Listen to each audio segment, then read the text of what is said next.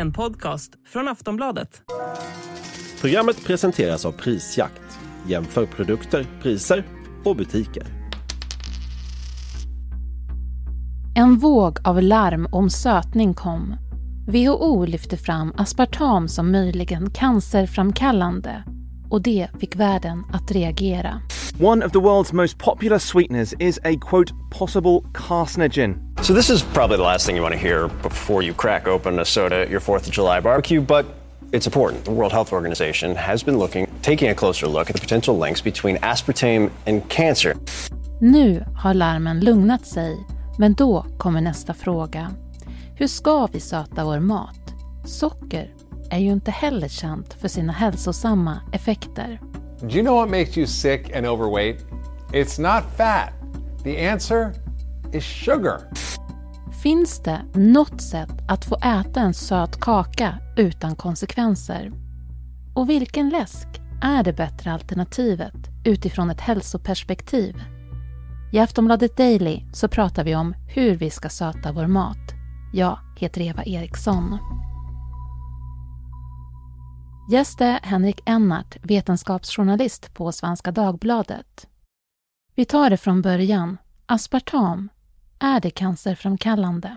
Ja, man kan säga att det som kom i somras, det var ju en bedömning då från, från eh, WHOs eh, cancerinstitut då, som eh, klassade aspartam som på, på nivån 2B, det är alltså den näst lägsta kan man säga. Det, det är en nivå som ligger under rött kött till exempel. Men, eh, men man säger att det, det finns en, det, viss evidens då för att det kan ge eh, framförallt levercancer.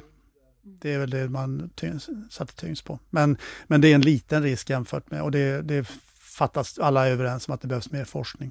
Är du förvånad över att det blev en så stor snackis som det blev? Nej, det är ju inte eftersom aspartam är väldigt vanligt. Det används ju i eh, Diet Coke till exempel. Och, och alltså det är det, den största internationella sötningsmedlet och det används ju i, i stor massomfattning. Va? Så att allt, bara en liten, även om det är en liten misstanke i en produkt som, produ som konsumeras i hela världen, så blir det ju stora konsekvenser. Va? Så att det, det är inte så förvånande. nej det är väldigt stora ekonomiska intressen i det här förstås också som gör att det blir en väldigt stor fråga. Och sen då så att alla som lyssnar är med. Som du säger, det finns i många produkter. Det finns i läsk, det finns, men det är väl även sylt, yoghurt. Eh, Jag såg någonstans att det, det fanns eh, minst 23 000 olika produkter. Men det, det, jag vet inte om det är en exakt siffra, men det, det, det är otroligt många produkter i alla fall som man kan hitta där. Är du också beredd att hålla med om att när det kommer då till sötning som vi pratar om idag, så är det finns ett stort intresse. För hur ska vi förhålla oss till sötning när det kommer till mat och dryck? Ja men absolut och det hänger ihop med, dels har det varit många års diskussion om socker och hälsoeffekter av socker och då söker sig många bort från socker men man vill fortfarande ha det söta. Och från, från industrins sida finns det också ett jätteintresse eftersom det blir godare va? och de flesta upp, uppfattar det som godare. Och kombinationen socker, fett och salt gör, det, det gör ju så här supergoda eh, muffins och annat då, som, som, som, vi kan nästan inte sluta äta. Så att det finns ju ett stort ekonomiskt intresse också av att, av att få i socker, sö, det söta i, i eh, maten. Va? Men sen så är det också så att WHO de avråder också nu från sötning som inte är socker böcker. Vill du berätta lite mer om det? Det finns egentligen två olika skäl till, till det. Dels så kom, ja, gjorde man en stor forskningsgenomgång som, där man kom fram till att eh, det inte hjälpte för att gå ner i vikt på lång sikt. På, man kan se viss effekt på kort sikt, men på lång sikt så, så de studier som finns då tyder snarare på en viss viktuppgång. Då. Så det, det är egentligen skälet att man då säger att man, det finns ingen anledning att använda eh, sötningsmedel, ett antal sötningsmedel som man hade med i den, det var inte bara aspartam, eh, för viktnedgång. Det, det är ingen särskilt bra strategi. Eh, och det andra är då det här som kom då om att det då dessutom finns vissa oro över att eh, det skulle kunna orsaka cancer. Kan sötningsmedel ge allvarliga biverkningar? Alltså, man kan väl säga att det som ju överhuvudtaget gäller i den här frågan, det är att det finns, det finns lite för lite forskning och den forskning som finns, den är ofta antingen så är den gjord och sponsrad av, av eh, internationella sötningsmedelsbranschen eller så, så är den eh, gjord av fristående forskare men kanske innehåller då Eh, brister när det gäller metod och så här. Så det, det, finns liksom en, det finns en, en lucka här. Där man, det, det är som en studie som, där man alltid kan ifrågasätta trovärdigheten då när, den, när det finns ett partsintresse bakom. Och sen så, och sen eh, den här typen av studier är ju dyra att göra då. Det gör också att det blir metodproblem för, för de fristående forskarna. Och det är ofta då alltså, de, industristudierna visar att det är helt ofarligt och de andra studierna visar, som har metodproblem, visar att det, det finns risker. Då. Så att det, det är där det står och väger. Mer forskning behövs. Mer forskning behövs. Samtidigt så finns det en intressant fråga tycker jag. Eh, jag tycker att man alltid ska sätta konsumentperspektivet i, i, i centrum. Och det är ju, alltså om det finns en, en osäkerhet, vem bär då risken? Ska man, är det då konsumenten eller är det producenten som ska bära risken? Och, det, och i, när det gäller den här typen av stora produkter så, så eh, tycker att det är rimligt att man har en viss försiktighet och att, eh, att tills, man, tills forskarna är helt enkelt överens. Så att just nu så är det lite så att man kan eventuellt utsätta sig för risk för att det finns för lite kunskap? Ja, och det kan ju också visa sig att risken var väldigt liten när det kommer mer studier. Så att det kan slå åt båda hållen. Men vem bär risken under tiden? Är socker ett bättre alternativ Aftonbladet Daily är strax tillbaks. Normally, being a little extra might be a bit much, but not when it comes to healthcare. That's why United Healthcare's Health Protector Guard fixed indemnity insurance plans, underwritten by Golden Rule Insurance Company, supplement your primary plan so you manage out of pocket costs. Learn more at uh1.com.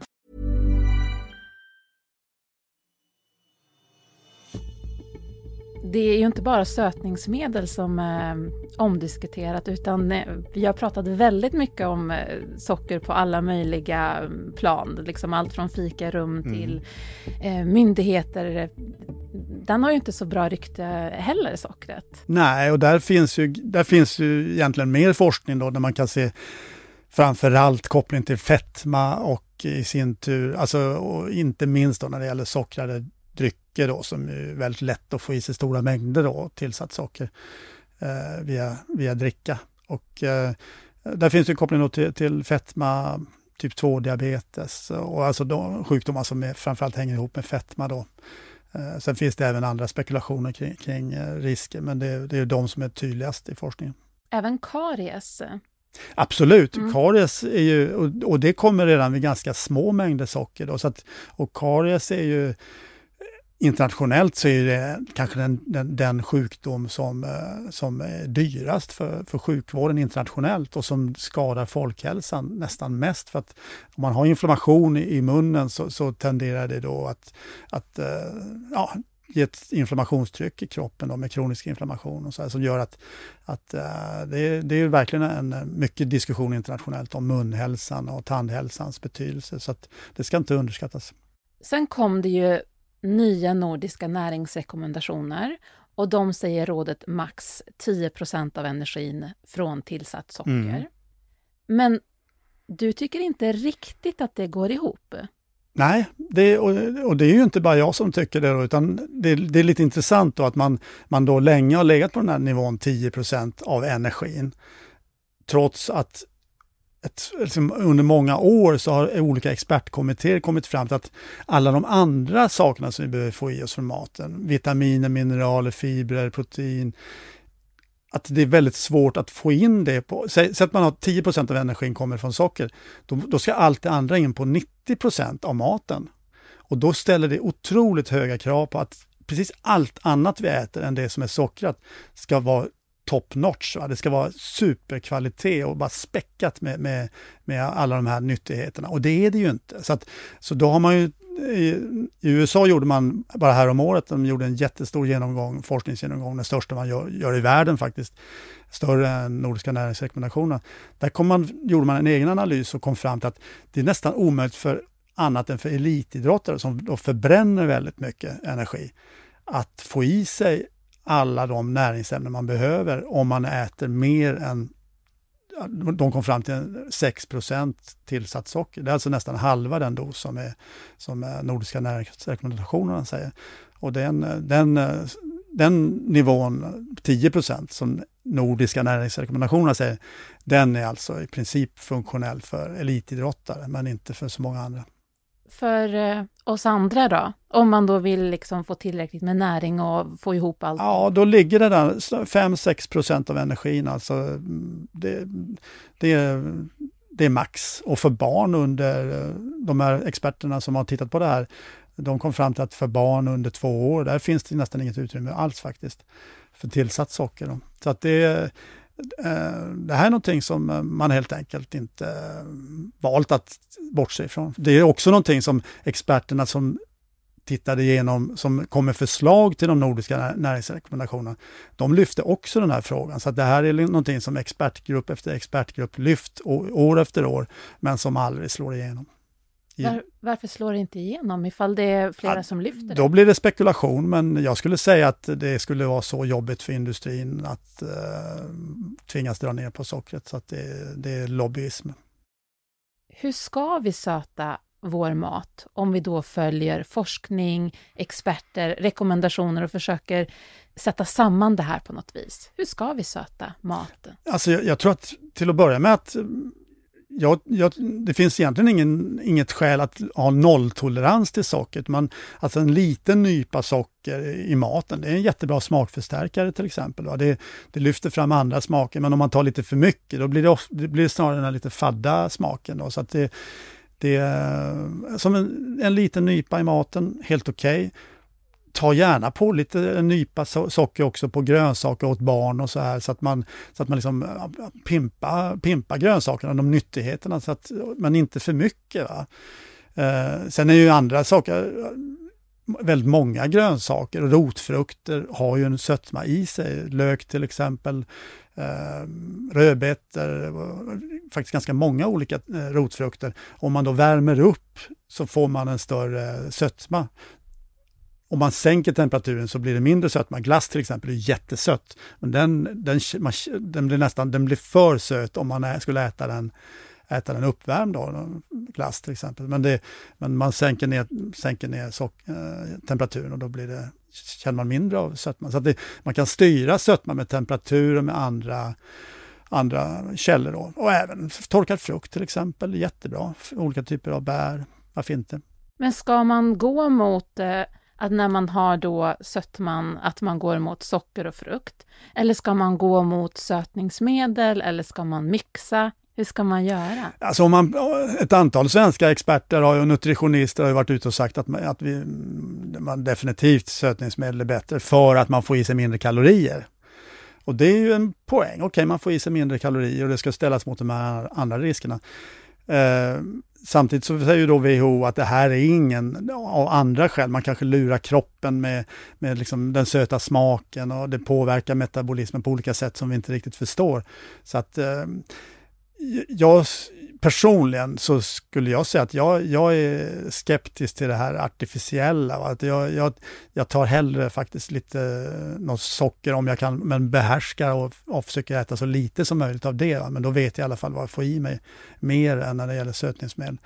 Men man kan också se, det finns också de som menar att man kan se det som ungefär som ett eh, man säga, nikotinplåster. Va? Att det är ett sätt om man har väldigt svårt att hålla borta från, det, från eh, från sockret och har problem med vikten så skulle det kunna kanske vara en övergångsperiod på kort sikt. Då, men inte någonting som man äter under, under ett helt liv. Liksom. Frågan då som många har ställt sig eh, sedan det här med aspartamet kom. Om jag sitter med en läsk, ska jag ta en lightläsk eller en med socker? Vad är bäst? Hur resonerar du där, just i det specifika valet?